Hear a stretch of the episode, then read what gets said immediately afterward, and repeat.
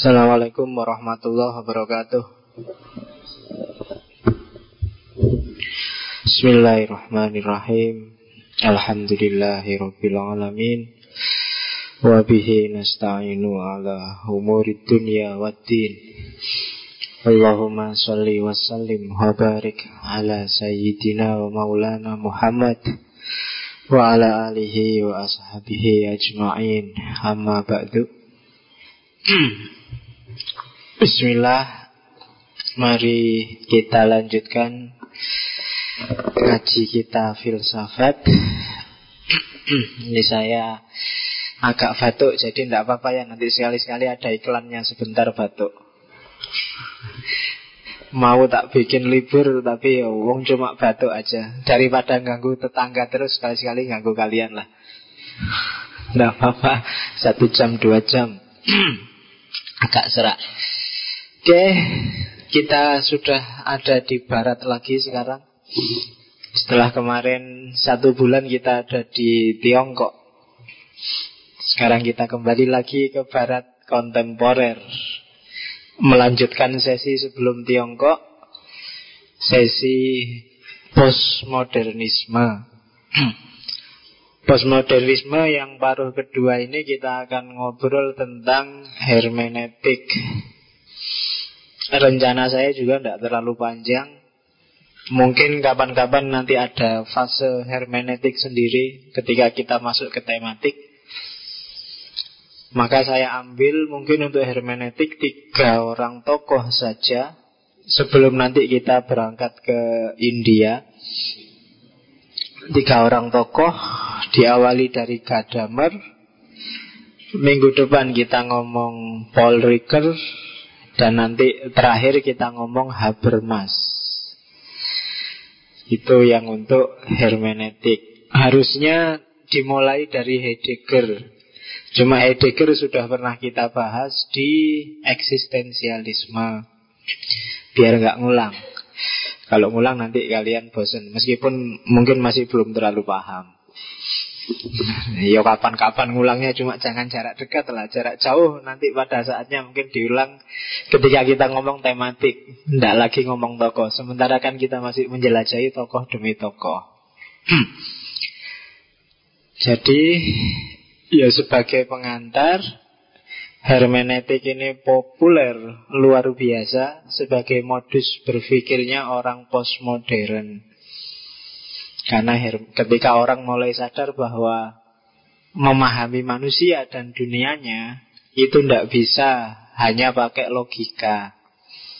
Karena logika itu kan cenderung satu tambah satu dua, positivistik, ilmunya pasti, Sementara manusia kan tidak satu tambah satu dua. Prosesnya sama, hasilnya bisa sangat jauh berbeda Sama-sama ikut ngaji ini Nanti hasilnya akan juga beda Sama-sama ngerti filsafat Outputnya bisa beda sama-sama belajar filsafat bisa jadi kayak Ghazali, bisa jadi kayak Iqbal atau juga ada yang kayak Karl dan Nietzsche kan podo. Itu kan manusia. Filsafatnya sama. Tapi outputnya bisa sangat berbeda Itulah manusia Sama-sama ngaji, Qurannya sama Bisa lahir orang yang ngamuan, kejem luar biasa. Bisa juga lahir orang yang kelemak-kelemek Nyerah, tidak mau berjuang sama sekali. Agamanya podo, Qurannya podo, hadisnya podo Kayak kalian itu kan di kampus Satu kelas, satu jurusan Dosennya sama, nasibnya juga beda. Iya. Ya, coba ya, menempuh proses yang sama tidak pasti hasilnya sama. Itu human. Makanya tokoh-tokoh hermeneutik awal kan mengintrodusir hermeneutika itu dalam rangka memahami manusia. Karena sebelumnya di era modern itu meskipun manusia itu sentral, jadi porosnya modernisme itu kan manusia sehingga disebut antroposentrisme.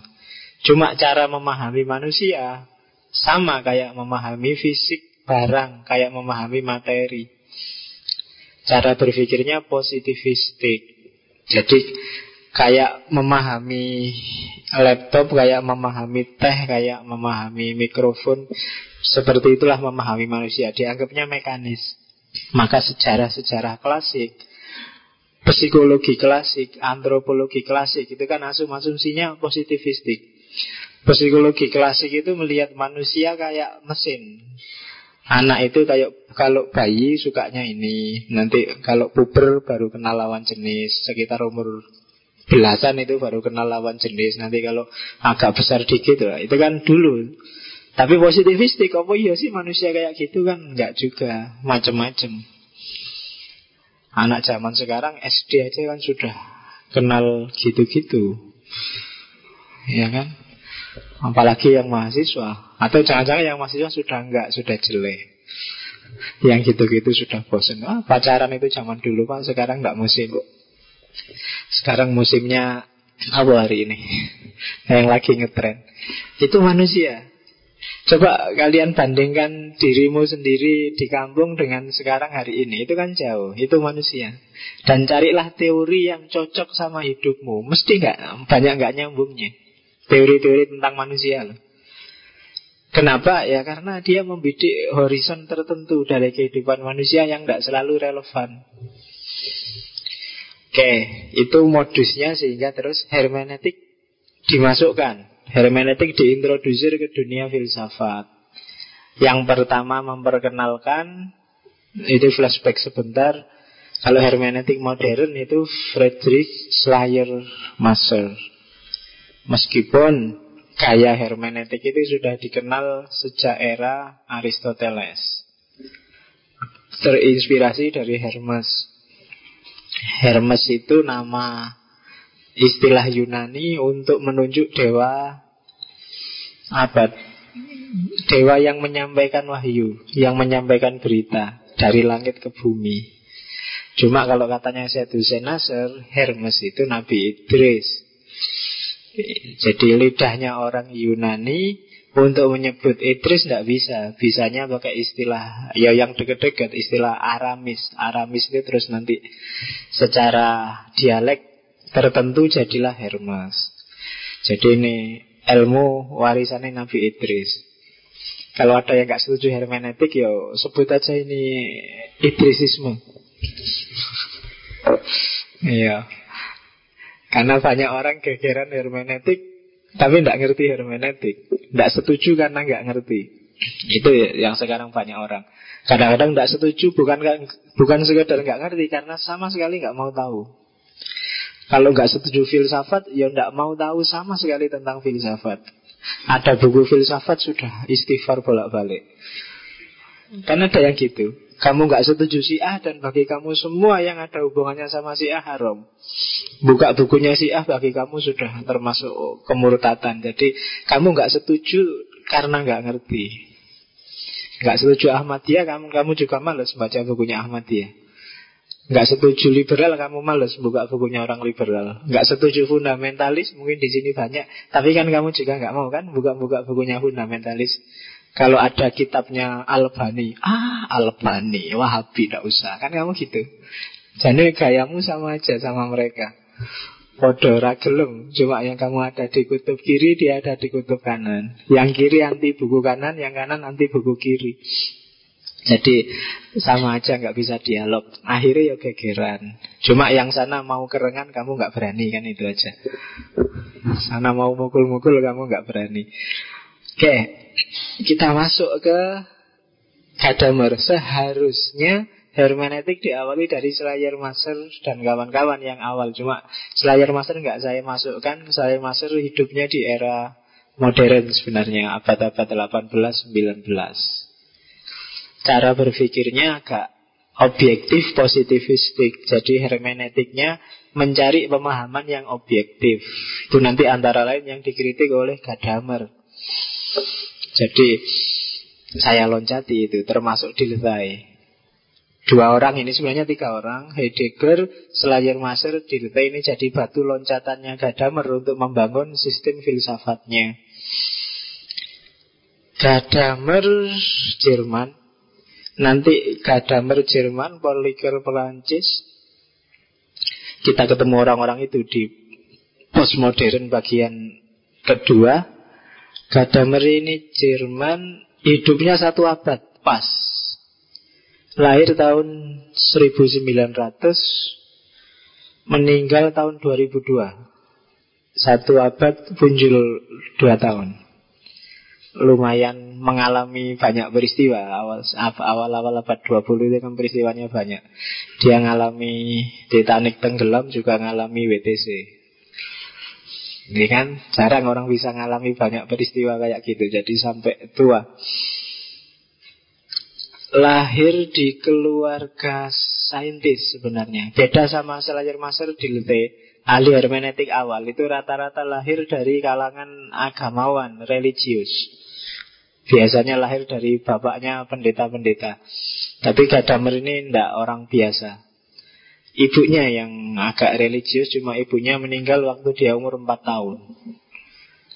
Bapaknya ahli kimia, profesor kimia yang sangat anti dengan profesor ahli-ahli sosial humaniora. Kalau lagi marah-marah sama Gadamer, dia bilang jangan sampai kamu jadi profesor gosip. Bagi dia, profesor kok bidang sosial humaniora itu isinya cuma gosip. Tidak jelas yang diomongkan. Jadi kan makanya menyebutnya profesor gosip. Jadi Gadamer sebenarnya sejak kecil diarahkan oleh bapaknya suka eksakta. Tapi terus dia terpesona oleh bidang humaniora, jadinya dia profesor filsafat, profesor humaniora. Ya di antara guru-gurunya ya yang paling berpengaruh Heidegger. Jadi saking idolanya sama Heidegger, Nanti sekitar umur 22 tahun Gadamer ini jadi profesor Guru besar. Tapi meskipun guru besar Setiap kali Heidegger ini ngajar Dia ikut kuliahnya Heidegger. Saking cintanya sama gurunya. Nanti pikiran-pikirannya banyak mengembangkan dari Heidegger Meskipun dia punya originalitas sendiri Nah kalau ada murid yang kayak gitu Saya seneng paham gurunya, suka gurunya tapi tidak membebek sama gurunya. Dia punya punya sistem sendiri. Dia ngerti kelemahan-kelemahan gurunya dan dia kembangkan. Meskipun Heidegger sempat ikut Nazi, yang politik-politik Gadamer tidak suka. Jadi dia murni intelektual. Nah itu Gadamer. Saya nggak bawa gambarnya. Kalau yang di internet banyak silahkan dicari. Biasanya edisi tuanya. Bukunya yang paling terkenal ya Warhead and Method itu. Truth and Method. Kebenaran dan metode. Sudah diterjemahkan. Meskipun kalau saya membaca terjemahannya lebih pusing daripada membaca buku aslinya. Iya, karena memang tidak gampang. Itu kan dari Jerman diterjemah ke Inggris, dari Inggris diterjemah ke Indonesia, terus dibaca oleh mahasiswa. Oh, itu kan jauh sudah lebih membingungkan lagi. Buku ini ditulis waktu dia pensiun, umur 60 tahun. Ya karya-karya sebelumnya banyak, cuma yang paling monumental ini, Truth and Method ini. Dan Gadamer termasuk tokoh yang diidolai banyak orang Khususnya tokoh-tokoh kontemporer. Kalau di dunia Islam yang terang-terangan terinspirasi Gadamer Dan menyebut Gadamer itu Fazlur Rahman. Dia bilang teoriku disusun antara lain jasa teori-teorinya Gadamer. Oke, kita lihat sekarang. Itu pengantarnya pengenalan kita terhadap orang yang namanya Gadamer. Jangan khawatir hidupnya lurus-lurus saja. Tidak ada yang aneh-aneh, biasa-biasa. Orang baik. Baca nama itu HG singkatannya Hans Georg. Tulisannya Georg kayak George itu. Cuma E-nya nggak ada bahasa Jerman. Hans Georg Gadamer. R-nya Tiga per jelas apa itu tiga per jelas. Nek Inggris itu kan R nggak bunyi, gak ada mol. Nggak, nek Jerman bunyi sih, cuma jangan terlalu koyok Jawa, gak ada mer gitu, ndak. Jadi roto ya ono R tapi jangan terlalu fase. Jadi Juga jangan terlalu bilang Gadamer, enggak. Jadi Jerman, Hans Georg Gadamer. Bismillah kita lihat ada apa di Gadamer. Semoga sudah dikit-dikit kenal hermeneutik ya dan tidak tak langsung tak shortcut ke pikirannya Gadamer. Kalau yang belum kembali ke dulu kan ada sesi-sesi tentang hermeneutik. Oke, yang pertama saya harus ngomong pengaruhnya Heidegger dulu. Karena ngomong Gadamer itu separuh sebenarnya miliknya Heidegger. Separuh baru dia kembangkan. Yang pertama katanya Gadamer yang ini dari Heidegger. Pemahaman kalau kamu memahami sesuatu orang yang memahami itu bukan semata-mata proses kognitif. Tapi itulah ontologi keberadaan kita sebagai manusia. Jadi manusia itu disebut manusia kalau dia memahami Ya kan? Ya gampang-gampang ini yang bikin kita jadi manusia itu kan akal. Kamu ini gitu. Akal terus mikir. Berarti kalau mikir itu kan memahami. Kalau kita tidak mikir dan nggak memahami sesuatu, berarti kita pensiun dari manusia. Itulah yang disebut kondisi eksistensial. Kita eksis atau tidak sebagai manusia kalau kita mikir kalau kita memahami. Jadi memahami itu bukan proses kecil yang terjadi dalam hidup kita, bukan bagian kecil hidup kita, tapi dia bagian yang paling esensial dalam hidup kita. Menentukan kita ada apa enggak. Begitu kita tidak mikir, begitu kita aktivitas kognitif kita macet, enggak jalan, kita bukan manusia. Makanya orang gila itu yang tidak bisa mikir kan dianggap sudah owa. Kita memperlakukannya tidak seperti manusia normal. Jadi bukan manusia memiliki pemahaman, tapi kita sendiri itu pemahaman. Manusia adalah makhluk yang memahami. Jadi kalau sebelumnya kita melihat pemahaman itu kan bagian kecil dari mesin besar yang namanya manusia, ada aspek kecil namanya mikir. Tapi enggak, mikir ini meskipun kecil tapi dia eksistensial, menentukan kita jadi manusia apa enggak. Nah, ini eksistensialismenya Heidegger. Jadi selama kamu masih bisa mikir, bisa memahami, kamu masih jadi manusia. Hati-hati kalau kamu tiba, oh sudah nggak bisa mikir lagi saya pak. Ha, lama itu sudah. Kamu bukan manusia saat itu. Mbah jadi opo? Wah, duduk saya pak, buntu pikiran saya pak. Ah, itu hati-hati. Manusianya sedang tidak ada. Tinggal yang selain manusia yang ada saat itu. Ah, itu teorinya Heidegger sebenarnya. Jadi kalau ada temanmu kok sudah gelap saya, Pokoknya pikiran saya nggak jalan, nggak bisa mikir itu.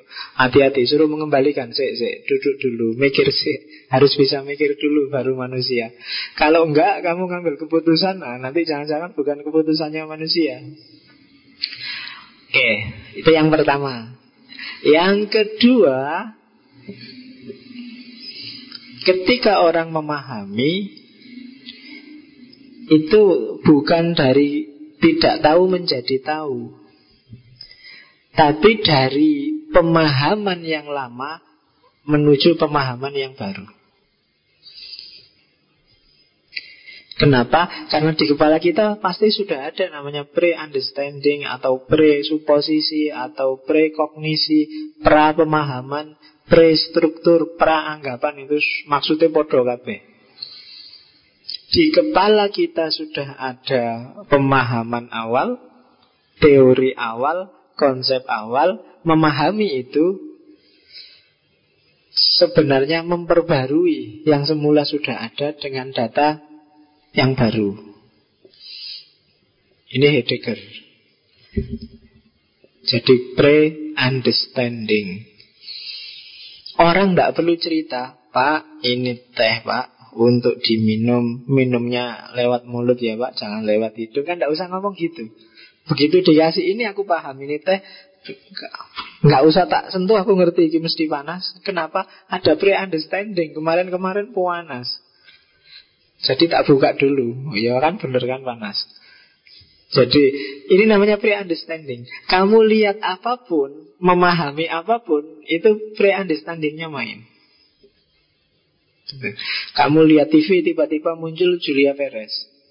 Itu kan mesti pre-understanding. Gayanya Julia Perez yang kemarin-kemarin mesti muncul sudah. Ah, lihat aja nanti mesti ah, mesti gitu.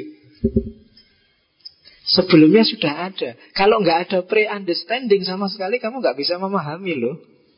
Kalau kamu nggak ngerti belas, nggak punya data sama sekali tentang itu, ya nggak bisa memahami. Kalau aku nggak ngerti sama sekali, nggak pernah ketemu barang kayak gini, mesti ya bingung. Ini apa ya warnanya coklat Kok ini ya? Gak pernah ketemu gelas sama sekali. Aku ya bingung. Meskipun mungkin gak pernah ketemu gelas ini Tapi kan aku sudah ada konsep gelas Di kepalaku. Itu namanya pre-understanding. Jadi mikir Itu bukan dari nggak tahu menjadi tahu Tapi dari pengetahuan yang lama Terus jadilah pengetahuan yang baru. Tentang apa pun. Oleh karena itu, ya kesimpulannya dari situ, katanya Gadamer, seperti gurunya Heidegger berarti pemahaman itu ya tidak sekedar metode, tidak sekedar seni, tapi ontologi, hakikat hidup kita sebagai manusia. Nah, bedanya itu tak tambahkan. Kalau di Heidegger, kayak tadi, yang disebut pemahaman itu adalah faktisitas plus tadi, pemahaman awal, pra pemahaman. Faktisitas itu keterlemparan kita dalam fakta. Faktisitas itu nanti yang jadi informasi baru, jadi ilmu baru. Faktisitas itu kita kan selalu berhadapan dengan fakta-fakta. Aku membayangkan di sini agak dingin karena dekat kipas angin. Eh ternyata ininya agak ke sini. Sumuk deh aku. Kan berhadapan tiba-tiba berhadapan dengan fakta. Waduh, kipas anginnya kok di sana.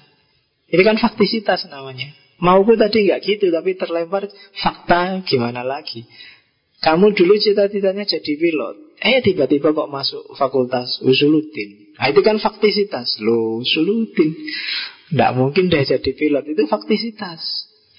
Terlempar dalam fakta Terus digabung sama para pemahaman. Itulah pemahaman. Kalau Gadamer Iya sih Faktisitas juga para pemahaman. Cuma Jangan lupa Kita memahami itu tidak sendirian.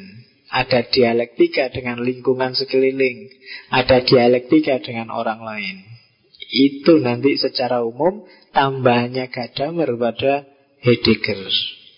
Makanya tadi tak bilang sebenarnya separuh itu miliknya gurunya. Cuma dia mengembangkan yang separuh lagi. Jadi diingat-ingat modus hidup kita kita hidup ini intinya memahami Pemahaman itu bukan dari tidak tahu menjadi tahu tapi dari pengetahuan yang lama terus berkembang jadi pengetahuan baru. Dan yang ketiga, polanya adalah pemahaman yang lama, dialog sama fakta yang baru. Itu yang disebut faktisitas. Oke. Yo, kalau di bahasa-bahasa buku biasanya disebut keterlemparan. Keterlemparan itu kan terlempar itu kan bukan mau kita, Tiba-tiba kita kayak dilemparkan orang tiba-tiba ada di sana. Lo kok gini? Lo kok gitu? Ya lu-nya itu ya ada yang enak, ada yang nggak enak. Ada yang tidak kita harapkan, ada yang sesuai harapan kita. Tapi kita hidup dari keterlemparan menuju keterlemparan. Nah itu namanya faktisitas. Terlempar dalam fakta.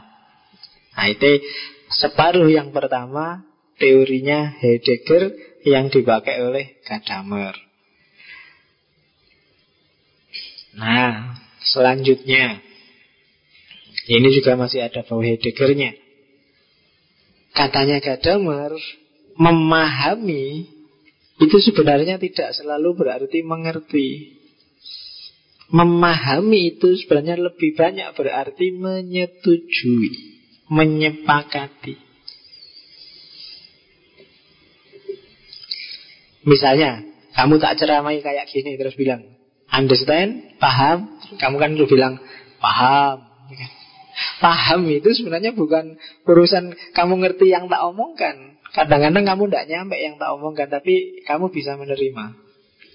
Oh iya pak, saya terima.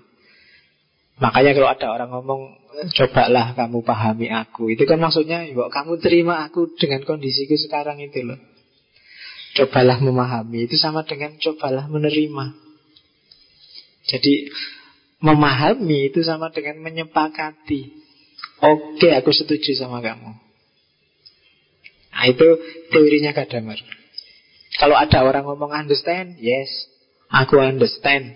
Nah, ini berarti dia sepakat dengan yang kamu omongkan. Intinya kan itu.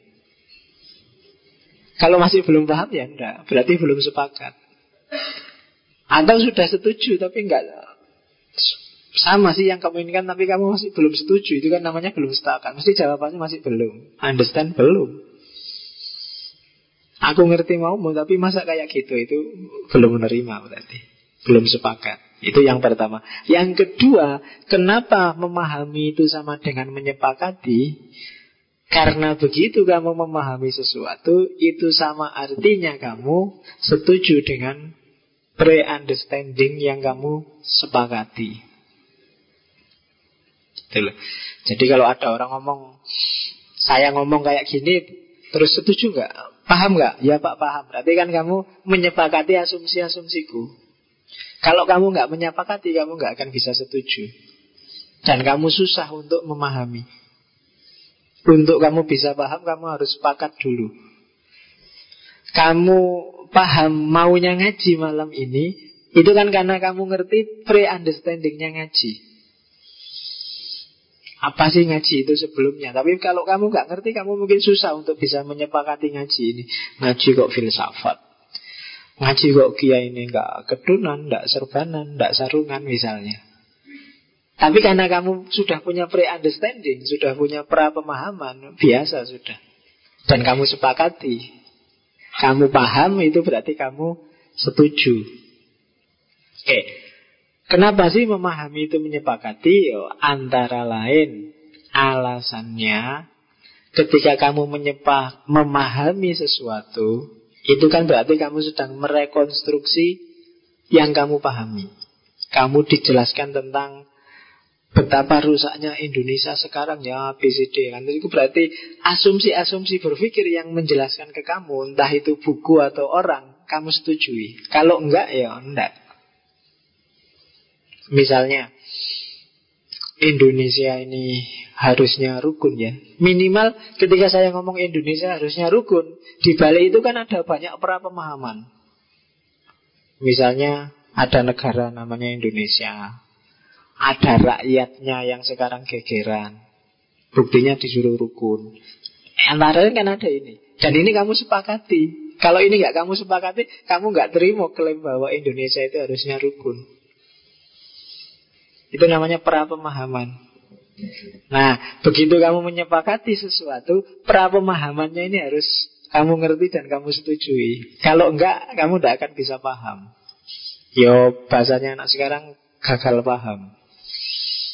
Gagal paham kenapa? Kalau dalam bahasa itu karena basic understandingnya, pre-understandingnya, tidak kamu setujui.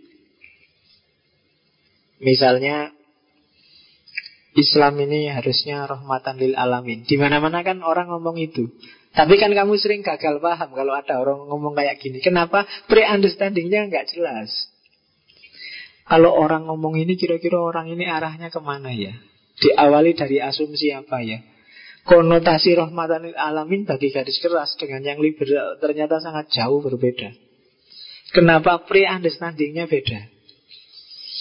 Yang satu Islam rahmatan lil alamin ini Islam harus menaklukkan dunia, dunia harus di bawah kakinya dan nanti akan jadi tentram. Yang satu Islam harus membaur dalam pergaulan dunia Dia jadi bagian dari dirinya dunia Sehingga dunia jadi tentram Beda Yang membedakan apa? Pre-understandingnya. Pemahaman awalnya. Kalau nggak ngerti bisa salah paham. Tiba-tiba Temenmu bilang Wah aku itu sayang sekali sama kamu loh. Nah itu kalau kamu nggak ngerti pre-understandingnya kan bisa salah paham. Ah kita kan cowok sama cowok. Masa kamu sayang sama aku lah misalnya Lo kamu gak ngerti pre-understandingnya Itu maksudnya sayang itu gak kok sayang kayak sama pacar apa sama apa. Sayang itu ya aku care aku itu kan. Itu pre-understandingnya Kalau kamu ngerti pre-understandingnya Oh iya aku juga sayang sama kamu. Tapi ketika gagal paham Kamu gak bisa menyetujui menyepakati pre-understandingnya ya. Yang terjadi salah paham, tidak terjadi pemahaman. Maksudnya begitu, katanya Heidegger. Makanya memahami itu sebenarnya sama dengan menyepakati. Apa sih yang disepakati? Basic understandingnya, pre-understandingnya. Meskipun jawabannya ndak, aku akhirnya ndak sayang padamu, ya ndak apa-apa. Tapi kan berarti sudah ngerti arah percakapannya. Ketika ngerti arah percakapan berarti ada kesepakatan terhadap pra pemahamannya. Oke. Okay. Nah, filsafat gini harus pelan-pelan mikirnya. Kalau tak cepet-cepetin kamu puyeng nanti. Ya, jadi pemahaman sama dengan kesepakatan. Tidak kayak kemarin. Kalau Sun Tzu kemarin kan cepet. Yang penting perang, menang, beres. Kalau ini agak jelimet, pelan-pelan. Selanjutnya Nanti diulang lagi kalau ada rekamannya Ah ini prasangka Apa sih secara umum isinya pra pemahaman itu? Basic understanding itu Ini lagi-lagi masih Heidegger Ada tiga secara umum. Yang pertama For habe Yang kedua For sich Yang ketiga For grief bahasa Jerman. Kamu hafalkan aja istilah-istilahnya nanti kalau ngomong di luar pakai ini keren kamu. Oke okay, ya. Fohabe itu adalah pandangan awalmu tentang apa yang akan kamu pahami.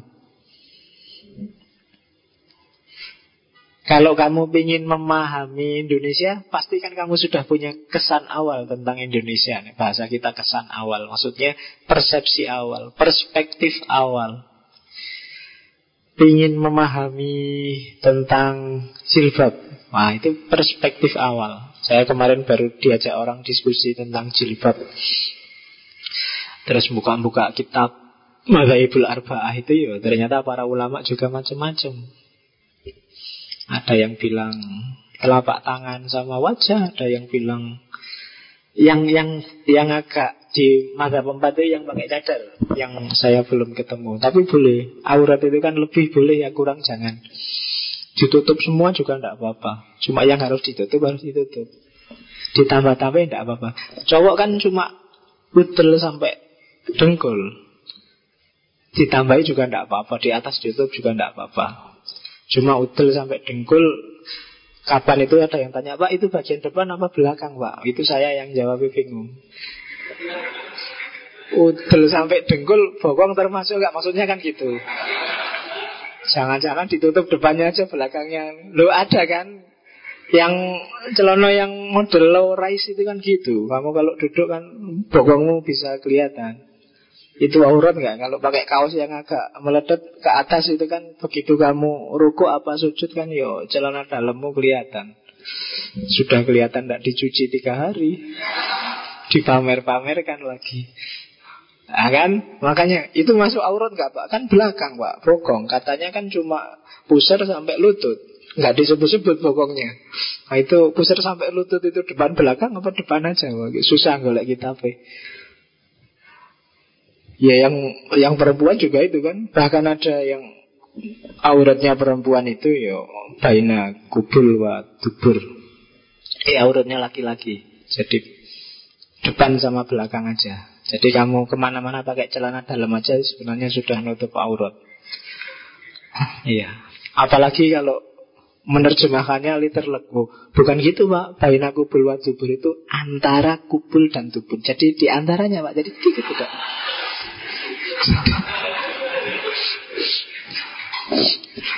Kubul wa tuburnya bukan aurat itu. Auratnya cuma antaranya itu gitu tidak. itu harfiah. Ah, ketika orang, itu contohnya for itu, ketika membahas itu, itu orang pasti sudah punya pre-understanding. Bagi yang mungkin pakai cadar, dia akan mengarahkan bagaimanapun cara berpikir bahwa cadar itu yang benar. Kenapa? Sudah ada forhabenya. Dia sudah punya pijakan awal sebenarnya, sudah punya pandangan awal. Itu forhabe. Menentukan loh. Pemilihan dalil, pemilihan ayat itu forhabe. Yang Mu'tazilah, yang liberal, yang fatalis, Jabariyah itu kan dia Jabariyah dulu terus cari ayat. Jabariyahnya jadi Volhabe-nya. Hidup ini bebas apa terikat ya. Nah itu dia sudah punya pandangan dulu terus ayatnya kan milih sesuai pandangannya dia. Itu Volhabe. Yang kedua forsih. Kalau forsih itu ketika orang mikir sesuatu Sebenarnya dia sudah punya bayangan Hasilnya nanti harus kayak gini atau hasilnya akan kayak gini. Itu yang bikin orang debat. Kenapa? Masing-masing ingin mengarahkan hasilnya sesuai yang dia bayangkan. Itu termasuk jenis pra pemahaman. Debat antara agama Islam dan Kristen kan banyak di internet itu kan. Mesti yang Kristen mengarahkan gimana caranya yang Kristen menang, yang Islam mengarahkan gimana caranya Islam menang. Dan dia sudah punya alur menuju ke sana. Itu forsih apa yang dilihat di depan? Bahasa letter lucknya kalau for have itu kalau di bahasa Inggris semacam for have. Apa yang sudah dimiliki. For see, for see apa yang dia inginkan di depan. Itu menentukan cara berpikir. Jadi tujuan itu kan menentukan. Kalau kamu misalnya meneliti tentang orang buang tumpeng di pantai misalnya itu kan di kepalamu sudah teriak-teriak macam-macam itu. Mungkin yang teologis itu urusan kafir, urusan yang antropolog, wah ini urusan budaya lokal yang unik, yang urusan ekonomi, wah itu mubadir. Iya kan? Sudah ada di kepalamu, sudah.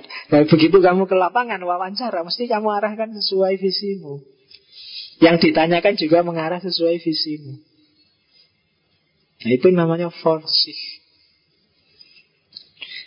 Misalnya ke Gunung Kemukus yang kemarin baru rame itu kan Mau neliti orang yang ritual Itu kan antropolog yang naik ke sana Dengan kiai yang naik ke sana Dengan mahasiswa yang naik ke sana Itu kan isi kepalanya beda-beda Mungkin antropolog, wah ini budaya unik ini, ini harus diteliti, ini kan. Jadi di kepalanya penuh dengan teori-teori antropologi.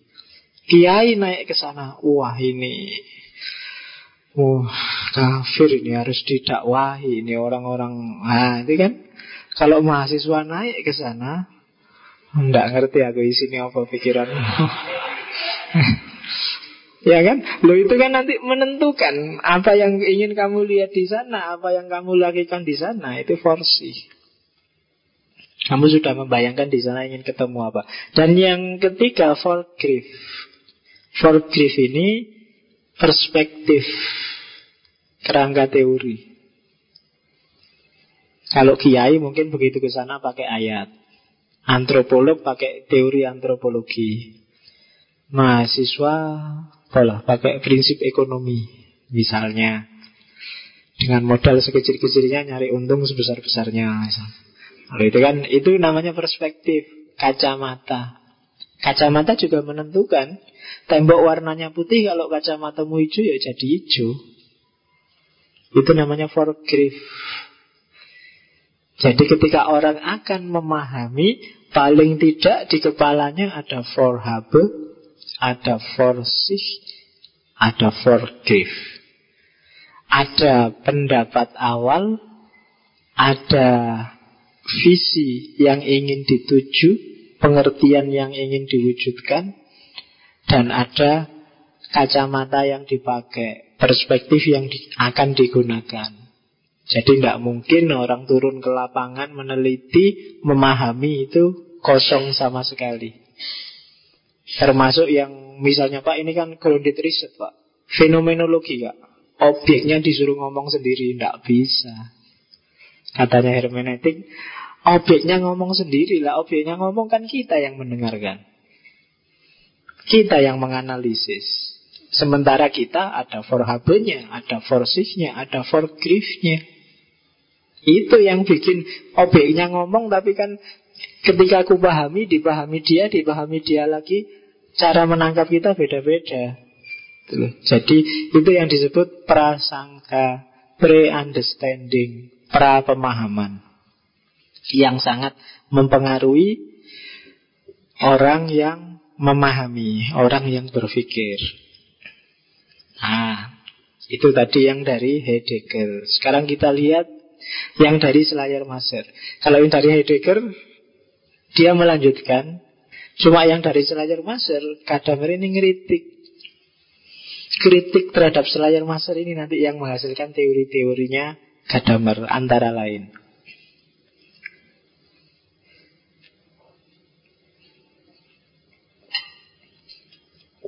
Jadi selayar maser itu kalau kalian paham teorinya Secara umum intinya ini kalau selayar maser. Pemahaman itu sifatnya objektif. Kalau saya ingin memahami buku Cara paling baik biar saya paham buku itu adalah Tak lihat isinya buku Tak lihat siapa pengarangnya Kayak gimana konteksnya Terus tak sambungkan Itulah maksudnya buku Aku yang baca jangan ikut terlibat. Kalau aku ikut terlibat, nanti mengacaukan maksudnya buku. Itu saya masar. Kenapa kok begitu? Biar tidak salah paham. Salah paham nanti hasilnya gagal paham. Kayak kamu kalau baca buku filsafat. Itu kan lebih sering gagal pahamnya. Daripada bisa pahamnya. Jadi Orang-orang romantik itu cara berpikirnya objektivis. Jadi pemahaman itu adanya di objek yang dibaca. Kita jangan ikut main. Kita cuma memunculkan, oh ini loh maksudnya teks. Oh ini loh maksudnya yang dibaca.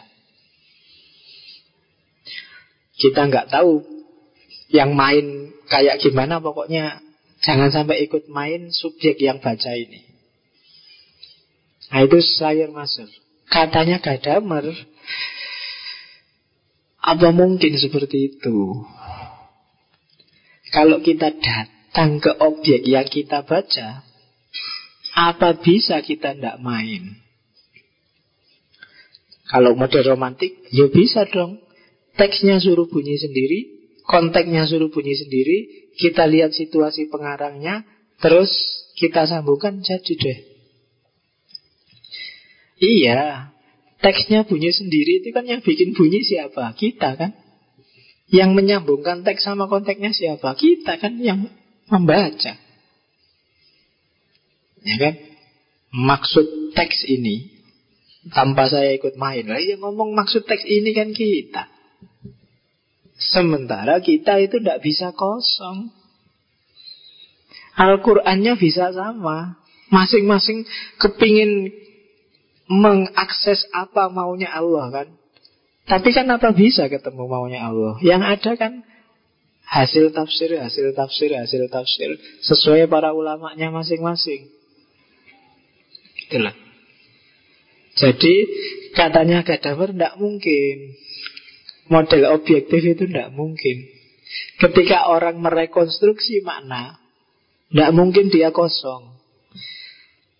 Nggak mungkin orang bisa ini teksnya, ini konteksnya, berarti maksudnya ini tidak bisa. Karena yang bilang ini teksnya kan kita. Yang bilang ini konteksnya juga kita. Jadi kita ikut main. Sementara di kepala kita bermain macam-macam tadi, para anggapan-para anggapan. Saya sering ditanya mahasiswa, Pak, tapi kan ada Pak, tafsir itu yang ayat ditafsirkan dengan ayat. Al-Quran dengan Quran. Kalau ini kan mufasirnya nggak ikut main, Pak. Itu katanya siapa nggak main? Yang bilang ayat A ditafsirkan ayat B siapa? Kan mufasir juga. Mungkin mufasir yang lain bilang, loh ayat A bukan B. Ayat A itu tafsirnya di ayat C. Kan bisa kayak gitu. Enggak, manusia pasti ikut main dalam proses pemahaman. Jadi, kritiknya terhadap Selayar Maser, tidak mungkin orang bisa kosong ketika mendekati objek yang dipahami. Menghindari kesalahpahaman bukan itu Justru katanya Gadamer Jangan cari kesalahpahaman Carilah kesepahamannya Gitu loh Peranggapan-peranggapan yang tersembunyi itu loh Itu kan yang tadi disepakati itu loh Itu aja yang dibongkar Orang ini memahami kayak gini dengan peranggapan ini Itu akan lebih menunjukkan objektivitas pembacaan. Aku peranggapanku kayak gini. Jadi menyadari peranggapan-peranggapan yang ikut bermain. Itu yang nanti disebut kesepahaman bersama. Apa sih maksudnya kesepahaman bersama? Kalau aku baca buku, itu harus ada peranggapan yang sama yang disepakati bersama. Kalau enggak, kamu akan gagal paham. Kalau kamu baca buku filsafat, harus jelas dulu peranggapan-peranggapannya kamu ngerti yang dimaksud Gadamer dengan peranggapan itu apa yang dimaksud Heidegger dengan manusia otentik itu apa itu dan kamu setuju baru kamu bisa paham Heidegger. Kalau enggak ya kamu akan gagal paham. Itu yang disebut kesepahaman. Memahami sesuatu harus dengan asumsi-asumsinya yang disepakati bersama antara yang memahami dengan yang dipahami. Nanti akan lebih jelas di belakang di teori fusion of horizon. Kayak gimana sih kesepahaman itu. Tapi intinya dia ngeritik Slayer Master bahwa pemahaman itu bukan menghindari kesalahpahaman. Tapi justru mencari kepahaman bersama yang disepakati oleh reader dan authornya. Kalau enggak ya nanti mesti enggak paham. Kita lihat. Itu kritiknya pada selayar masal. Jadi orang tidak mungkin blank ketika membaca teks. Jangan mengasumsikan objektivitas karena tidak ada manusia itu yang tanpa pra pemahaman. Nah itu selayar maser. Sekarang Kritiknya lagi pada tokoh hermeneutik yang kedua, Wilhelm Dilthey. Selain Masel dan Dilthey ini masih masih objektivisme ilmiah abad 18-19 Makanya dia menganggap ada loh pemahaman objektif itu. Kalau Dilthey ahli sejarah Dan teori-teori sejarahnya ya ujungnya objektivitas sejarah. Itu nanti yang disebut historisisme. Jadi seolah-olah sejarah itu bisa ngomong dirinya sendiri. Ya nanti yang fakultas adab mesti bisa ya. Seolah-olah kalau diceritain sejarah Pangeran Diponegoro, sejarah Mojopahit, seolah-olah itu tidak ada hubungannya dengan yang ngomong sejarah. Sejarah bisa objektif, padahal kan tidak begitu. Kalau pakai teori praanggapan tadi loh, sejarah versi siapa dulu? Sejarah yang ngomong siapa dulu? Jadi nggak mungkin ada sejarah bisa objektif yang bebas dari prasangka. Sejarah PKI aja kan sekarang tidak jelas. Zaman Orde Baru seolah-olah Yosi ya PKI itu kurang ajar luar biasa Mau berontak Sekarang orang bingung lagi Kenapa muncul alternatif teks-teks baru tentang PKI Yang tidak sama dengan dulu yang disebarkan zaman Orde Baru Nah, tapi Gayanya Dilthey kan itu. Meskipun Dilthey berjasa untuk menyelamatkan ilmu-ilmu humaniora agar tidak diseragamkan dengan ilmu-ilmu alam. Tapi dia masih terjebak namanya historisisme. Bahwa narasi sejarah itu bisa bersifat objektif dan universal. Padahal tergantung yang cerita siapa kan. Sejarah ngaji filsafat ini Misalnya besok-besok tiba-tiba tak milih diganti orang-orang garis keras, jenggotan ngamuan semua. Maka dia akan cerita zaman dulu, waktu sesat-sesatnya Masjid Sudirman. Di sini pengajian sesat apa yang tidak ada Misalnya Ono filsafat, ono kejawen, ono Ceritanya akan begitu Kenapa? Loh, peranggapan yang cerita ikut main Gitu loh Jadi Itu yang dikritik oleh Gadamer Apa bisa Orang mengobjektifkan sejarah Yang kedua Coba dilihat katanya Gadamer. Justru ketika orang ingin objektif sebenarnya gagal kayak orang modern itu loh. Orang modern itu kan maunya objektif tanpa prasangka.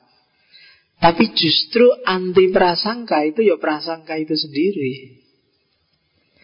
Anti pra pemahaman kita mau objektif itu nanti jadi pemahaman itu sendiri. Jadi pra pemahamannya. Jadi pra pemahamannya anti pra pemahaman. Oh, itu filosofi bisa ngomong jelimet kayak gitu. Ya kan? Itu kan kayak demokrasi. Gimana demokrasi menghadapi kelompok yang tidak demokratis? Ya harus dibasmi. Lo berarti ketika dibasmi tidak demokratis dong. Yo dibiarin aja. Lo itu anti demokrasi. Loh, nanti kontradiksi. Bulat ya. Nah, katanya Gadamer juga begitu. Tidak bisa orang anti pemahaman. Contohnya misalnya modern, modern awal, romantisisme, pencerahan. Romantisisme jargonnya kembali ke alam, kembali ke mitos. Anti subjektivitas. Harus objektif, kembalikan ke lokal wisdom. Tapi yo kembali ke alam, kembali ke lokal itu jadilah dia pra pemahamannya. Atau orang modern Orang modern punya prinsip mengatasi mitos dengan logos Kembali ke manusia Kembali ke alam semesta Sama aja Ya pra, pra pemahamannya berarti itu Mengatasi mitos dengan logos. Jadi tidak bisa orang keluar dari pra pemahaman kalau keluar dari pra pemahaman Berarti kamu buang semua pengetahuanmu blank. Malah kamu tidak bisa baca. Nggak bisa mikir. Karena itu Prasangka Pra pemahaman itu sifatnya niscaya Niscaya itu yo Selama kita masih manusia normal Pasti ada pra pemahaman Selama kita masih bisa mikir, pasti terlibat pra pemahaman. Ketika pikiran itu mandek, ya berarti saat itu juga kita nggak pakai pra pemahaman. Atau begitu kita nggak pakai pra pemahaman, berarti kita nggak bisa mikir. Tentang apa saja, kamu boleh mengambil contoh dirimu sendiri.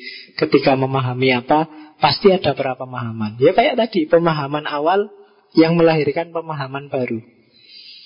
Kamu masuk ke ruangan ini lihat, uh, karpetnya kok debunya banyak ya. Kamu ngerti karpet, kamu ngerti debu, kamu ngerti kotor, itu kan di kepalamu sudah ada konsep-konsep itu. Itu kan jenisnya pra pemahaman. Kamu ngaji kok senyum-senyum aja, sedang seneng ya. Loh itu kan kamu bisa menyimpulkan itu karena ada konsep duluan di kepalamu. Kalau nggak ada konsepnya blank sama sekali, bingung kamu. Pak, saya mau meneliti grounded research, Pak. Semua yang ada di kepala tak pending. Biarkan objeknya bicara sendiri. Loh, kamu tidak bisa baca malahan di lapangan. Ada orang buang tumpeng, kamu kelak Ini dulu namanya apa ya? Jadi oh, bingung kamu. Kamu nggak, kamu, kamu tetap ngerti itu namanya tumpeng, itu namanya ritual, itu namanya kan gitu. Terus kamu bisa nyambungkan sama teologi, sama agama, sama ekonomi, sama budaya. Itu kan ini bunyi semua, itu pra pemahaman. Kalau dia kosong, malah kamu tidak bisa mikir. Gitu loh. Jadi kalau pakai kadamer, kalau kamu marah-marah, jangan suruh temenmu, temenmu untuk objektif. Kamu mbok yang objektif Tidak bisa dong Manusia masa bisa objektif Kalau pakai kadamar Kenapa? Selalu ada pemahaman Manusia tidak bisa yang ngomong objeknya Yang ngomong manusianya, subjeknya Karena setiap orang punya kacamata. Kalau gitu bisa ngawur ya Pak. Yonda, ya secara nanti diteliti, kalau memang pra pemahaman itu harus dibahas, biasanya orang mengkategorikannya nanti di antara pra pemahaman itu ada yang legitimate dan ada yang tidak legitimate. Pra pemahaman yang sah dan ada yang tidak sah. Tidak harus begitu. Ya pra pemahaman kadang-kadang juga keliru kan. Kadang-kadang juga tidak pas. Itu harus dicermati juga. Nah, apa sih yang legitimate dan tidak legitimate itu biasanya parameternya dua. Yang pertama tradisi, yang kedua otoritas. Tradisi itu karena tidak ada orang yang bisa berpikir di luar tradisi. Tidak ada. Setiap orang pasti menyejarah pasti historis berada dalam tradisi tertentu. Saya tidak mau pak terikat apa pun, tradisi apa pun saya tidak mau. Saya mau bebas, saya mau liberal. Ya itu berarti kamu terikat oleh tradisi namanya liberalisme. Tidak ada orang bisa keluar dari jebakan tradisi. Wes kamu ingin kaya apa pak? Saya alternatif pak. Iya loh, alternatifmu itu pasti dalam konteks tradisi tertentu. Saya original sekali Pak, genuine sekali Pak. Tidak bisa. Original, genuine itu pasti mix dari yang selama ini sudah kamu pahami. Mungkin sifatnya imajinatif, tapi tetap dalam konteks tradisi tertentu. Ini tidak pernah ada sebelumnya Pak, ada pasti. Cuma kamu kreasi sendiri, kamu bikin baru, tapi itu tetap dalam kerangka tradisi tertentu. Tidak bisa enggak. Orang tidak bisa mikir di luar itu. Bahkan agama sekalipun. Dalam agama itu kan banyak hal-hal yang abstrak. Yang kamu tidak nyampe. Tapi kan kamu menangkap yang abstrak itu dalam konteks tradisi. Tradisi itu gaya, mode, alur berpikirmu. Sesuai konteksmu. Mungkin dulu waktu kecil kamu membayangkan apa ya? Membayangkan Allah itu ada di atas, tinggi, besar, jenggoten, terus lihat ke bawah, terus itu. Mungkin. Loh itu kan konteks tradisimu dulu. Zaman sekarang mungkin beda. Atau gambaranmu tentang surga neraka waktu kecil kamu bayangkan, wah besok bisa minta permen sak kapoke misalnya. Nah, sekarang sudah besar ngapain cuma minta permen? Yang lain lebih enak banyak kan gitu. Atau neraka, konstruksi neraka di kepalamu misalnya. Oh neraka itu pak. Di sana semua peralatan tukang ada pak.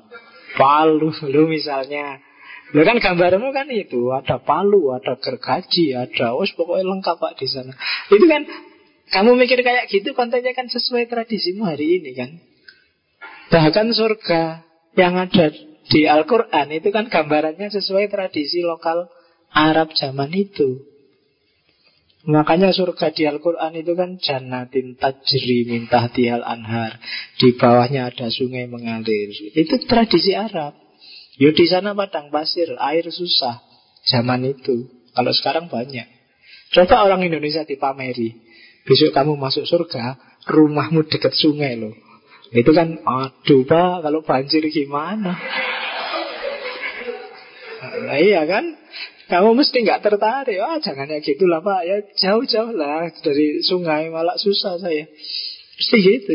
Kenapa? Tradisi caramu menangkap berbeda sama mereka zaman dulu. Orang tidak bisa keluar dari tradisinya. Kalau orang Arab dipameri yang tidak sesuai tradisinya, ya mereka tidak akan bisa paham. Pra pemahaman mereka tidak nyambung dengan isinya ayat. Makanya binatang tumbuhan, buah-buahannya Al-Quran itu kan ya juga versi Arab sesuai tradisi zaman itu. Binatangnya ya paling onta, keledai itu kan. Kamu tidak akan ketemu bebek, kamu tidak akan ketemu ya buahnya watini wa zaitun. Nggak sesuai sama tradisi. Wah, apa pak buah tin itu? Buat coba demi buah kelengkeng dan buah rambutan misalnya tradisi. Orang tidak bisa berpikir keluar dari tradisi. Yang kedua, kalau ada tradisi pasti ada otoritas yang punya kebenaran. Di kampus Otoritas adalah para profesornya, mungkin guru besarnya. Ya yang tentang filsafat ya guru besar filsafat, yang tentang syariah ya guru besar syariah.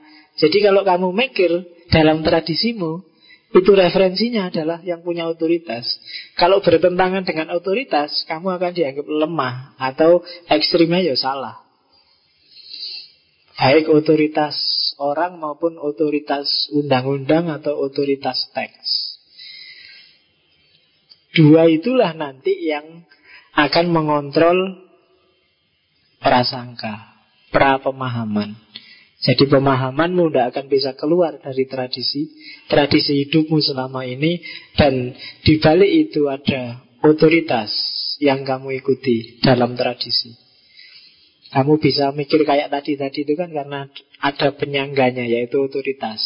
Sehingga kamu merasa benar dengan pra pemahamanmu Dan itu berada dalam konteks tradisi tertentu. Sepemberontak apa pun kamu saya pak, semua tatanan tak dobrak. Bebas aku merdeka mikir dewi, tidak bisa. Sak bebas-bebasmu kamu ikut gaya tertentu, modus tertentu, tradisi tertentu. Jadi di aspek ini tidak bisa orang bisa genuine sama sekali 100%. Tidak ada yang baru di bawah apa kayak sair itu di bawah sinar matahari. Semuanya sudah pernah. Wis tahu kabeh. Tinggal kamu milih tradisi mana yang cocok sama kamu. Itu aja. Oke, jadi prasangka itu sifatnya niscaya. Gak bisa orang keluar dari sini. Kenapa kok sama-sama Islamnya ada yang ngamuan, ada yang sabar, ada yang lembek, ada yang tangguh. Karena masing-masing membawa pra pemahamannya sendiri-sendiri. Ah, ini sekarang teori yang paling terkenal dari Gadamer. Namanya effective history. Sejarah keterpengaruhan atau sejarah pengaruh. Kamu yang tadi mikir dalam tradisi, isinya adalah apa sih yang terjadi dalam tradisi, Pak? Effective history sejarah pengaruh. Jadi yang kamu pikir itu pasti pengaruh-pengaruh tarian-tarian dari sekelilingmu. Sampai lahir kamu yang ngamuan, kamu yang teliti, kamu yang gampang marah, kamu yang tidak gampang marah itu pasti dialektik kamu sama lingkungan sekelilingmu. Kalau itu pemikiran, pasti itu dialektika sama pemikiran-pemikiran sekelilingmu. Itulah efektif history, sejarah keterpengaruhan. Efektif history ini, kalau kita ingin memahami sesuatu, pakai hermeneutiknya Gadamer, inilah yang harus kita ungkap. Kalau orang mikirnya A, mikirnya B, itu hasil dialektika dengan apa saja sih? Itu efektif history. Kok bisa lahir orang kayak Ahmad Dahlan melahirkan Ahmad Muhammadiyah? Hasim Asari melahirkan NU. A Hasan melahirkan persis misalnya dalam Islam. Itu hasil dialektika dengan apa ya? Qurannya sama ya. Kira-kira teori yang lain, kelompok lain, tokoh yang memengaruhi siapa saja, nah itu namanya sejarah pengaruh. Ya di Mekah gurunya sama, kembali ke Indonesia kok beda organisasinya. Itu pengaruh sosial, pengaruh ekonomi atau ada guru yang lain, nah itu yang perlu ditelusuri. Jadi sejarah keterpengaruhan. Yo, kenapa Pak kok ditelusuri? Yo biar objektif dalam tanda petik. Meskipun objektivitas itu nggak ada. Biar kamu bisa memahami secara lebih tepat. Efektif history. Sejarah keterpengaruhan. Apa saja sih isinya efektif history itu? Yang pertama efektif history itu adalah isinya adalah kesadaran orang harus sadar, harus tahu ketersituasian itu kayak faktisitas tadi loh. Jadi bongkarlah situasi di mana orang hidup zaman itu. Kesadaran ketersituasian orang yang memahami Kenapa kok bisa lahir kelompok A? Kenapa kok bisa lahir kelompok B? Pasti itu karena dialektika dengan situasinya. Kenapa zaman Soeharto nggak lahir kelompok macam-macam kayak sekarang? Pasti situasi ikut bermain. Kejarlah itu. Ketersituasian. Faktisitas. Itu lapis pertama dari efektif history. Cek kapan itu muncul. Kadang-kadang menentukan nilai. Misalnya ada buku hari ini yang isinya mencaci maki Soeharto misalnya. Kalau terbitnya hari ini buku yang mencaci maki Soeharto itu buku biasa-biasa aja. Di mana-mana sudah banyak orang mencaci maki Soeharto. Tapi kalau buku mencaci maki Soeharto itu ternyata terbitnya tahun 82. Oh, ini buku luar biasa. Tahun 80-an Soeharto jaya-jayanya. Jadi situasi hari ini dengan situasi tahun itu jauh berbeda. Kalau ada buku yang mendukung PKI kok tahun 80-an ini buku dahsyat. Tapi kalau hari ini, ah biasa kayak tunggali. Mahasiswa semester 1 sudah ngomong itu. Hari ini. Tapi kalau tahun 80-an, enggak ada orang berani mendukung PKI. Situasi menentukan. Yang 80-an buku dahsyat Yang sekarang biasa-biasa saja Kalau sekarang ada yang mengkritik Jokowi Itu lumayan luar biasa Tapi besok kalau Jokowi sudah lengser Itu biasa sudah Jadi itu nilai Situasi menentukan Pemikiran Yang kedua Tradisinya kalau tadi kan sekelilingnya, sekarang tradisinya, modus berpikirnya orang ini apa sih? Gaya liberal kah? Gaya fundamentalis kah? Pengaruh aliran apakah? Nah itu dicek. Sunni kah? Syiah kah? Kejawen kah? Filsafat kah? Itu tradisi, itu pasti ikut bermain dalam sebuah pemahaman. Dia pasti membentuk pemikiran. Pasti mempengaruhi. Makanya termasuk efektif histori, sejarah keterpengaruhan. Coba cek tradisinya. Anak ini dari tradisi pesantren maupun tradisi kos-kosan. Nah, itu membentuk berpikirnya. Oh iya kan, yang beda kan kayaknya anak pesantren sama anak kos-kosan. Ya kamu ngerti sendiri. Mungkin kalau pesantren itu ada apa-apa yang keluarkan astagfirullah, subhanallah, mungkin gitu. Yang kayak kos-kosan ya Ya kamu ngerti sendiri lah nah, Belum dicontohin Nah itu jadi tradisi menentukan Yang ketiga Logika zaman Logika zaman ini menentukan. Zaman ini yang sedang tren apa? Itu pasti mempengaruhi. Entah pengaruh dalam aspek menerima Atau pengaruh dalam aspek resisten Melawan zamannya. Tapi kamu harus paham logika zamannya. Logika konteks zamannya. Hari ini orang mikir kayak gimana ya tentang poligami? Hari ini orang mikir kayak gimana ya tentang pacaran? Hari ini orang mikir kayak gimana ya tentang kuliah dan seterusnya. Itu pasti dialektis dengan pemahaman dan pemikiran. Kalau zaman dulu tahun-tahun 70-an, 80-an kalau ada cowok sama cewek pacaran boncengan aja pegangan gini oh itu orang sekampung bisa rame sekarang mungkin zamannya sudah beda kok pacaran nggak pegangan gini justru orang kampung rame pacaran ora itu opo-opo misalnya lo kebalikannya zamannya sudah beda logika zaman maka dengan logika kayak gini dia pasti berpengaruh terhadap pemikiran. Entah pengaruh pro atau pengaruh kontra. Entah kamu jadi resisten atau menerima. Itu anak zaman. Itu efektif history. Yang keempat, refleksi. Orang mikir dirinya. Bagaimana dia merefleksikan dirinya.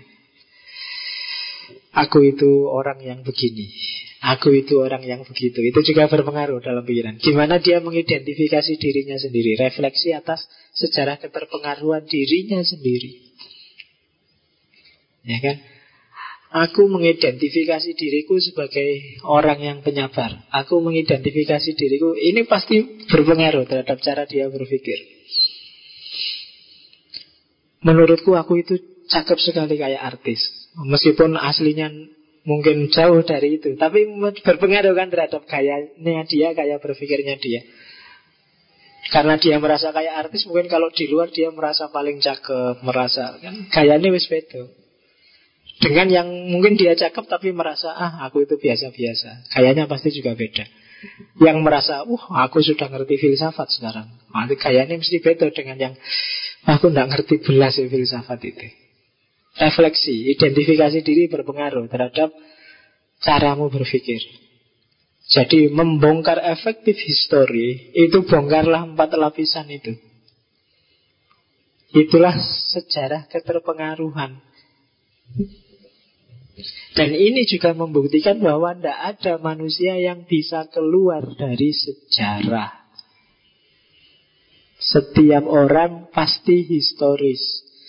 Makanya nanti kalau di Gadamer Kalau ada orang bilang Kita harus agak menenggang dunia Keluar dari dunia untuk berpikir secara objektif Itu diketawain kalau Gadamer Tidak bisa kamu keluar dari dunia itu Kamu keluar dari tradisi itu tidak bisa Kita lihat Pak Keluar dari dunia Kita lihat betapa dunia itu sementara. Tidak bisa. Ketika kamu mikir kayak gitu Itu sudah tradisi juga.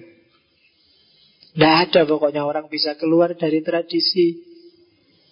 Itulah tradisi-tradisinya sufi kan Yang nyuruh refleksi, kontemplasi, muhasabah Seolah-olah orang disuruh keluar dari dunia. Tapi sebenarnya itu masuk ke dunia yang baru Dunia yang lain Dunia sufi, dunia tasawuf Dunia refleksi, mungkin dunia filsafat Tapi tetap itu bagian dari tradisi Jadi orang tidak bisa keluar dari tradisi.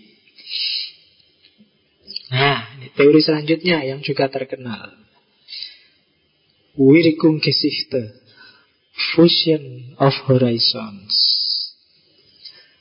Dari semua paparan di atas, akhirnya bisa disimpulkan kalau versinya Gadamer berarti proses pemahaman itu jenisnya bukan kok kita mendekati objeknya secara objektif dan tidak ikut main, tapi sebenarnya di situ terjadi dialektika, terjadi peleburan.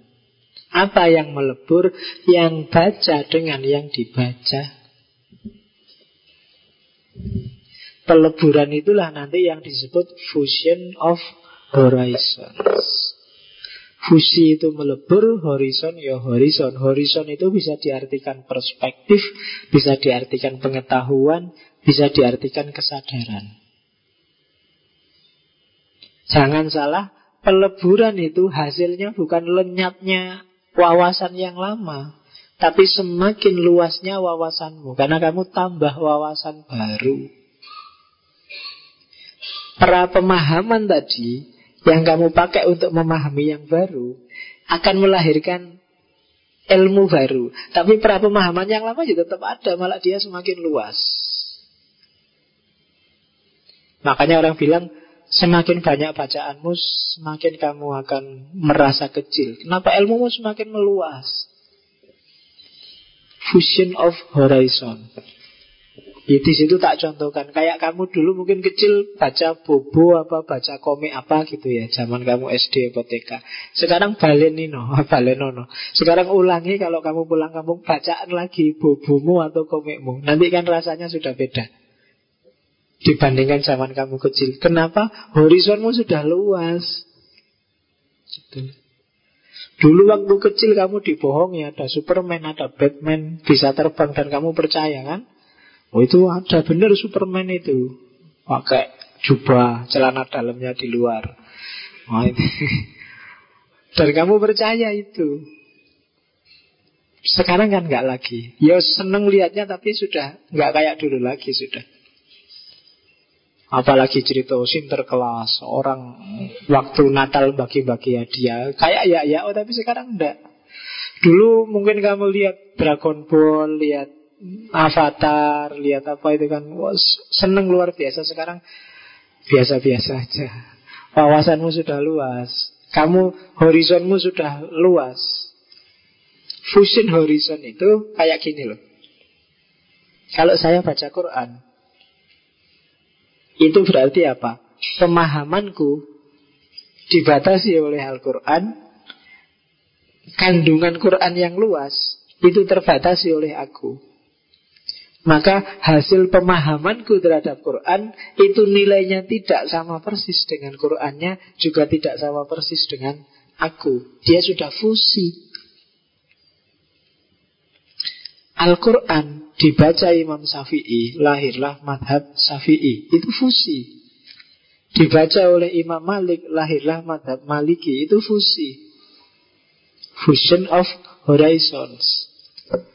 Jadi itu sudah tidak lagi Imam Malik dan Imam Syafi'i, tapi Imam Malik dan Imam Syafi'i yang dibatasi oleh isinya Quran dan Quran yang sudah versi Imam Malik dan versi Imam Syafi'i. Itu hasilnya fusi. Nanti mungkin Imam Syafi'i dibaca lagi oleh Ghazali misalnya lahirlah Syafi'i versi Ghazali. Imam Ghazali dibaca oleh Imam Nawawi nanti ya Ghazali versi Nawawi. Imam Nawawi dibaca oleh Hasim As'ari lahirlah NU. NU dibaca oleh Gustur lahirlah NU versi Gustur. Gustur dibaca oleh pengagumnya lahirlah iya Gusturian dan non Gusdurian. Ya kan? Dan itu fusion. Fusi luas kan akhirnya. Dari Quran satu aja Dan Imam Syafi'i satu lahir luas sekali. Semakin lama semakin luas. Tidak semakin miskin Tapi semakin kaya dan luas. Itulah fusion of horizon. Kalau di Kadamer kan Gambarannya kalau kita naik ke gunung itu loh. Semakin kita ke atas kan semakin luas Horizonnya Meskipun ya tetap ada batasnya. Oleh karena itu, menurut Gadamer, pemahaman itu bukan reproduksi makna, tapi produksi makna. Kenapa? Selalu lahir makna baru, hasil fusi antara yang baca dengan bacaannya. Hasil saling mempengaruhi, jadi selalu ada produksi makna, produksi makna. Dari Quran dan Imam As'ari lahirlah madhab As'ariyah. As'ariyah ini kan produksi baru. As'ariyah dibaca Ghazali, lahirlah As'ariyah yang Ghazalian. Ini kan produksi baru. Nanti bisa lahir NU dari Ahmad Dahlan, bisa melahirkan Muhammadiyah. Nanti Muhammadiyah versi PAN dan versi yang bukan PAN. Nanti PAN yang versi Amin Rais dan yang bukan Amin Rais kan gitu. Itu fusi-fusi produksi makna, produksi makna terus dan akan terus begitu. Kamu misalnya, hari ini kita ngomong tentang Gadamer. Yang kamu tangkap masing-masing tentang Gadamer.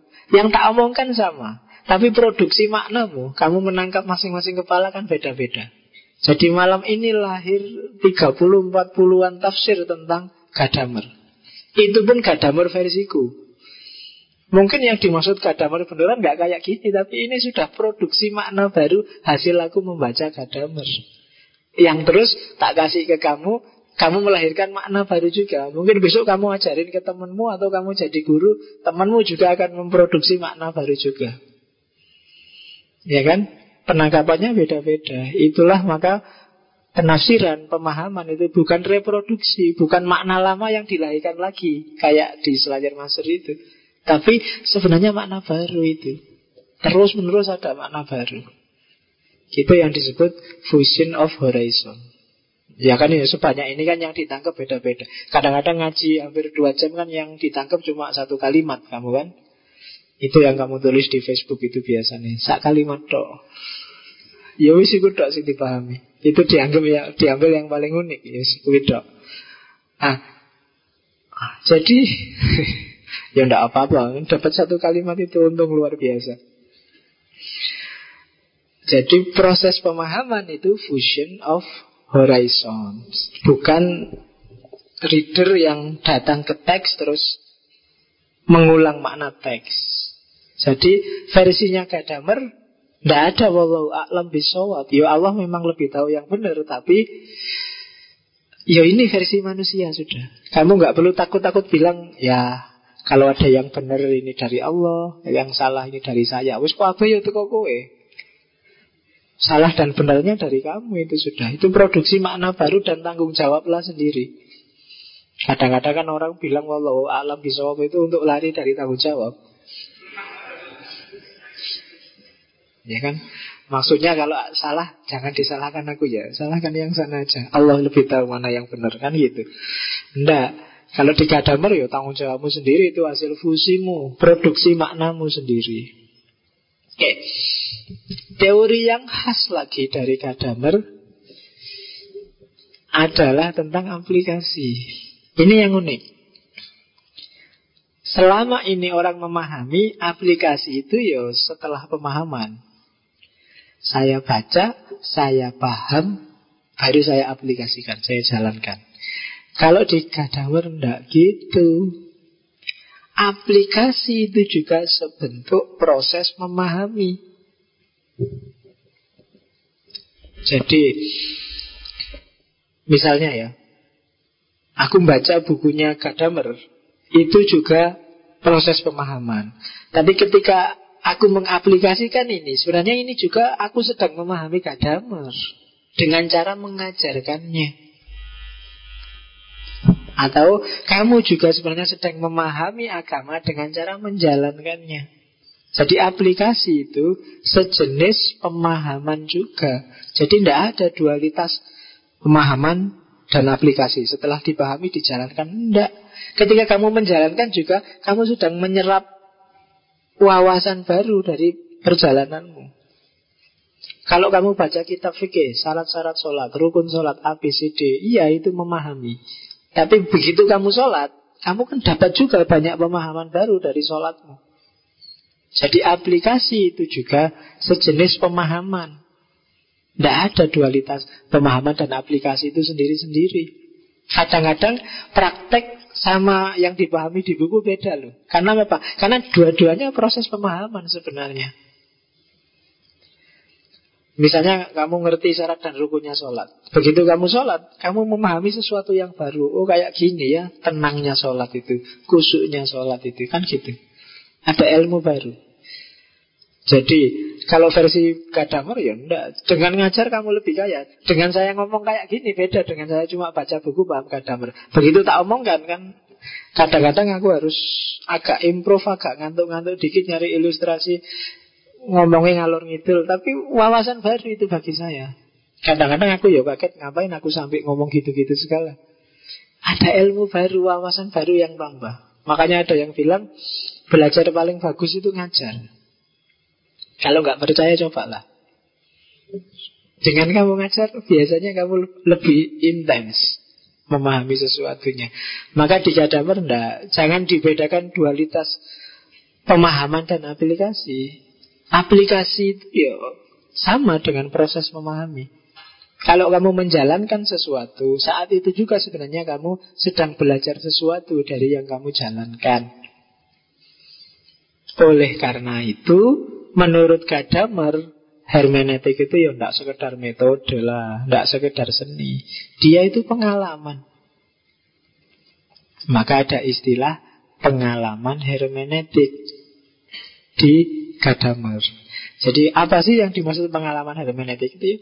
Pengalaman kita memahami baik dalam belajar atau memahami atau dalam praksis kehidupan nyata.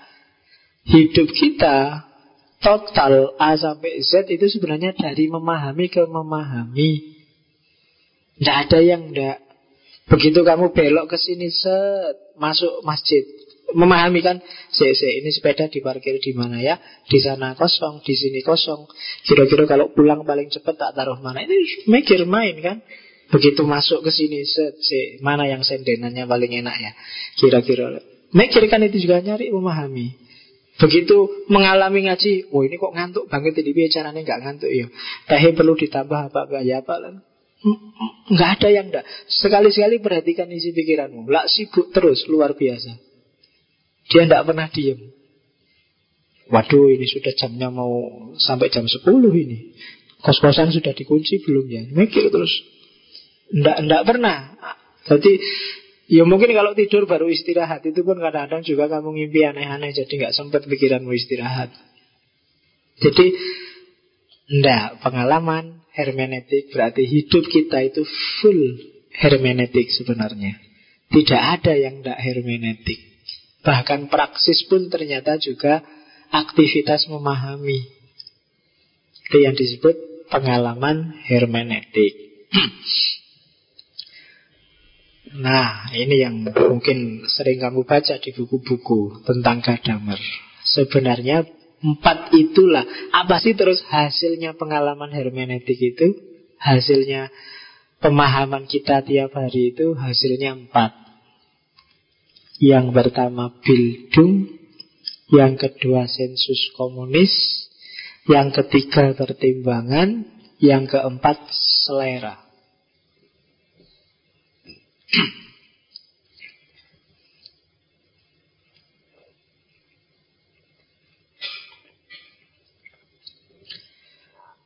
ya, ini lupa nggak tak tulis definisinya dikit-dikit.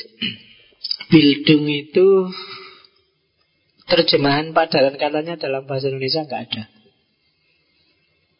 Kalau di bahasa Jawa, Jawa biasa kadang-kadang lebih kaya, tapi apa ya kira-kira Jawa nih? Kadang-kadang diterjemahkan bahasa Indonesia, kadang-kadang diterjemahkan pembentukan jalan pikiran. Apa tak tak kasih contoh gini deh, bildung itu. Ya memang semacam pembentukan jalan pikiran.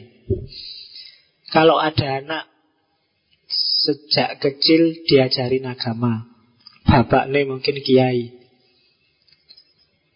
SD sudah di TK sudah di pondok, apal Quran, SMP di pondok, SMA di pondok. Tidak pernah lihat TV, tidak ngerti radio, baca koran aja haram misalnya.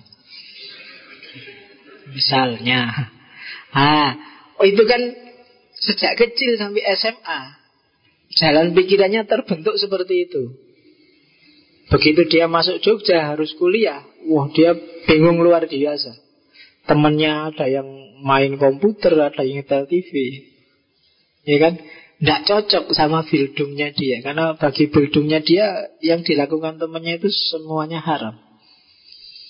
Kalau dia naik bis kota, istighfar terus. Astagfirullah. Ada orang naik cuma pakai rok mini. Astagfirullah. Ada orang pacaran pegang-pegangan pangku-pangkuan Astagfirullah. Kenapa dia kayak gitu? Karena pikirannya dibentuk jadi kayak gitu. Bildung Itulah bildung Tapi mungkin nanti itu semester 1 Nanti semester-semester 9 selama empat tahun itu dia mengalami proses pembudayaan yang berbeda. Ya kan? Ya kalau semula astagfirullah begitu naik kemudian ada Eropa mini. Ya. Subhanallah itu. Akhirnya Allahu Akbar serbu. ya, jadi itu bildung pembudayaan, pembentukan jalan pikiran. Ada yang sebel luar biasa kalau ada temannya nggak tertib. Itu bisa ditelusuri bildungnya. Mungkin karena bapak militer, di rumah harus disiplin. Jam setengah lima pagi waktu subuh sempritan bunyi prit bangun subuh misalnya. Kalau nggak bangun tak siram. Ah, dia terbentuk untuk disiplin. Lihat orang yang nggak disiplin dia sebel luar biasa. Yang suka bersihan juga begitu Atau yang cenderung tidak bersihan Lihat temannya bersihan juga sebel luar biasa Kenapa? Itulah Bildung Apa? Semacam pembudayaan Pembentukan jalan pikiran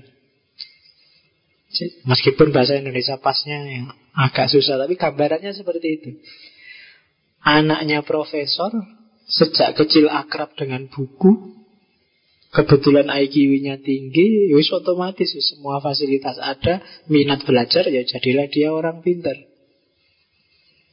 Ada fasilitasnya. Anaknya artis, bapaknya cakep, ibunya cakep, dilatih di kehidupan serba glamor, ya wes, sukseslah dia jadi artis. Anaknya orang miskin, bapaknya jelek, ibunya jelek, misalnya lahirlah pas-pasan, ya wes, kemudian dididik dengan gaya orang tidak punya uang, ya lahirlah kayak gitu. Itu Bildung, pembudayaan. Pengalaman hermeneutisnya melahirkan pembudayaan seperti itu. Cara berpikir, cara berperilaku dikepung oleh tradisi dan otoritas yang membudayakannya jadi sosok A, apa sosok B, apa sosok C. Jadi pengalaman hermeneutik melahirkan bildung, karakter, pembudayaan. Yang kedua, sensus komunis. Apa ya sensus kom bukan mensensus mana PKI mana ndak. Itu kalau di Inggris kan semacam common sense. Jadi rasa common sense itu kesepahaman bersama semacam Gak usah ditanyain lagi lah orang sudah tahu semua yang benar itu kayak gitu, yang baik itu kayak gitu. Common sense. Atau kalau ditarik agak panjang semacam rasa sosial. Kalau ada anak kecil minta-minta di lampu merah, itu bagi yang biasanya ngasih. Kalau nggak ngasih dia nggak enak rasanya. Karena dia biasanya ngasih sih common sense-nya, ala anak kecil masa nggak dikasih kasihan. Itu common sense. Jadi lahirnya di tengah masyarakat. Itu common sense. Itu muncul juga dari pengalaman hermeneutik. Pengalaman kamu berinteraksi dengan orang lain. Mana yang dianggap biasa Common sense itu pengetahuan biasa Semua orang juga sudah tahu Yang benar kayak gitu Yang baik kayak gitu Ya sifatnya selalu lokal Sesuai konteksnya masing-masing Kayak di Jawa misalnya Kalau lewat depannya orang tua Harus agak bungkuk dikit. Itu common sense sudah. Dicari dalilnya ya susah. Apa sih, kenapa sih ekspresi hormat kayak gitu? Ya tidak tahu ya sepakatnya gitu. Kalau ngomong tidak boleh menatap matanya, dianggap jarak. Di Jawa. Tapi di luar negeri, di Barat kadang-kadang ya tertentu harus melihat matanya. Karena kalau kamu diajak ngomong matamu ke mana-mana ya dianggap tidak hormat. Beda kan common sense-nya. Dan yang kayak gitu didapatnya dari pengalaman hermeneutik. Pengalamanmu hidup sehari-hari. Ya kamu sendiri ngerti lah. Terus yang ketiga pertimbangan. Kalau pertimbangan ini agak kognitif sifatnya.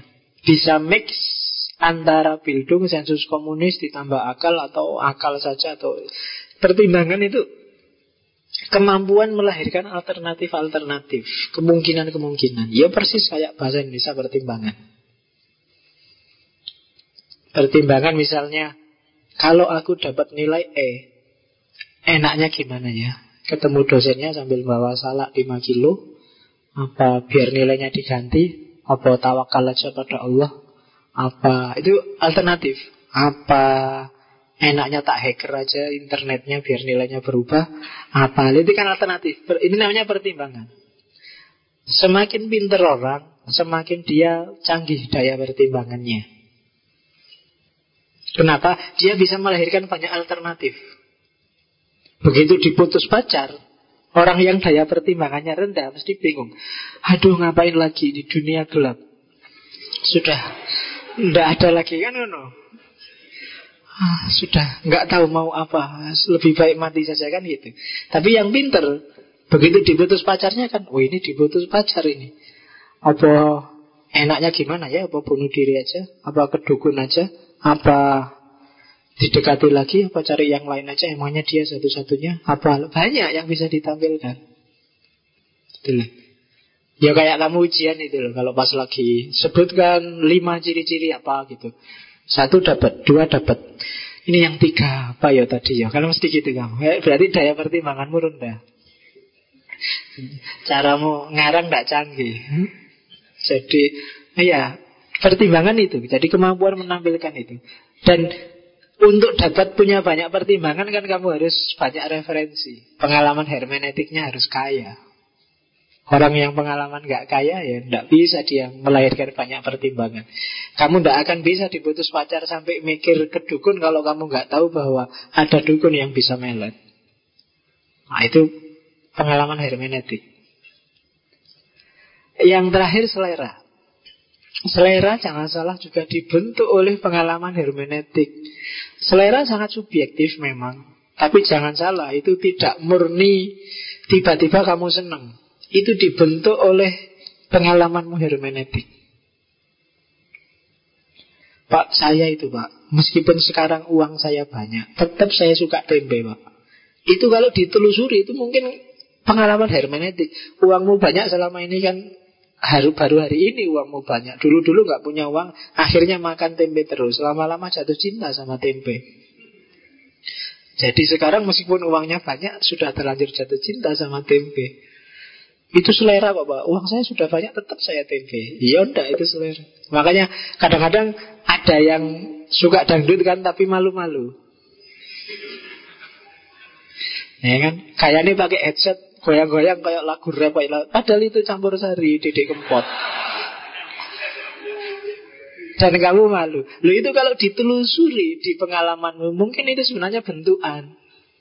Mungkin dulu kamu di kampung ya orang tuamu kalau ada apa terus yang disetel campur sari. Atau kalau saya dulu zaman kecil di kampung mesti yang diputer bangsanya nasi daria, Oma Irama sejenis itu kan. Itu kalau dengar lagunya Oma Irama pun nasi daria itu kan gerengnya beda. Bukan urusan senang lagunya tapi kenangannya itu kan beda. Jadinya mau nggak mau punya selera pada Kosidah modern dan Noma Irama. Itu selera. Jadi selera yang subjektif itu sebenarnya juga Hasil pengalaman hermeneutik loh. Jangan salah, dia tidak jatuh dari langit. Kamu telusuri apa pun seleramu.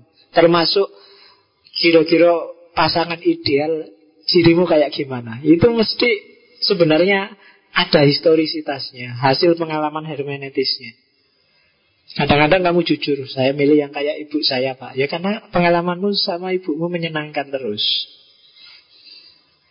Betul. Jadi itu selera. Jadi pengalaman hermeneutik melahirkan Bildung, sensus komunis, pertimbangan dan selera. Terakhir, lingkaran hermeneutik. Sebenarnya tak jelaskan tadi, Lingkaran hermeneutik itu berarti kalau kalian baca Gadamer, lingkaran hermeneutik itu pemahaman itu melingkar terus. Tadi kan pra pemahaman. Dipakai memahami sesuatu. Terjadi fusion of horizon. Pra pemahamanku ketemu objek yang dipahami, lahirlah makna baru.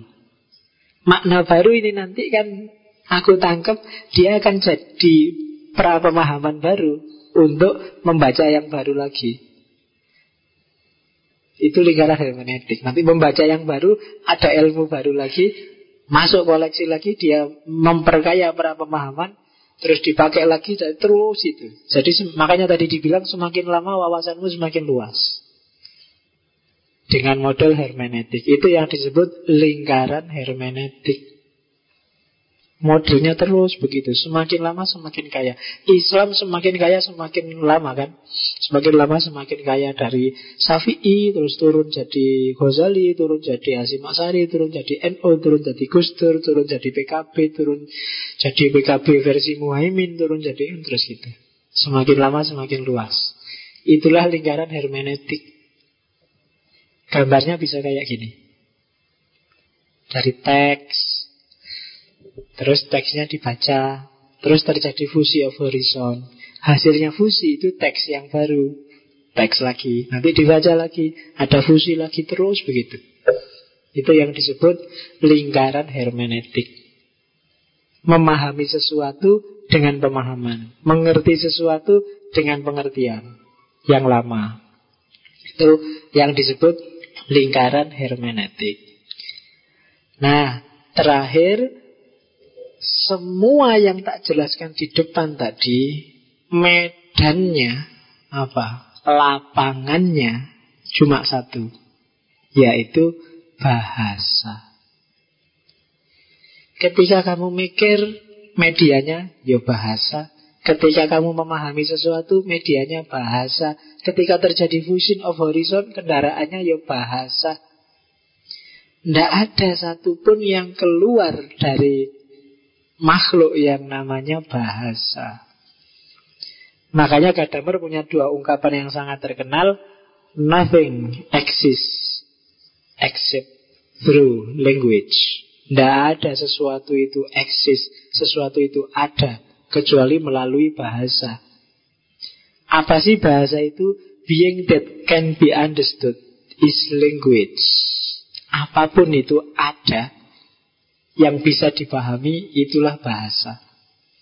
Kalau tidak ada bahasanya, kamu tidak bisa ngapa-ngapain. Coba aja. Kalau kamu nggak tahu ini apa, ya kamu tidak bisa mikirnya.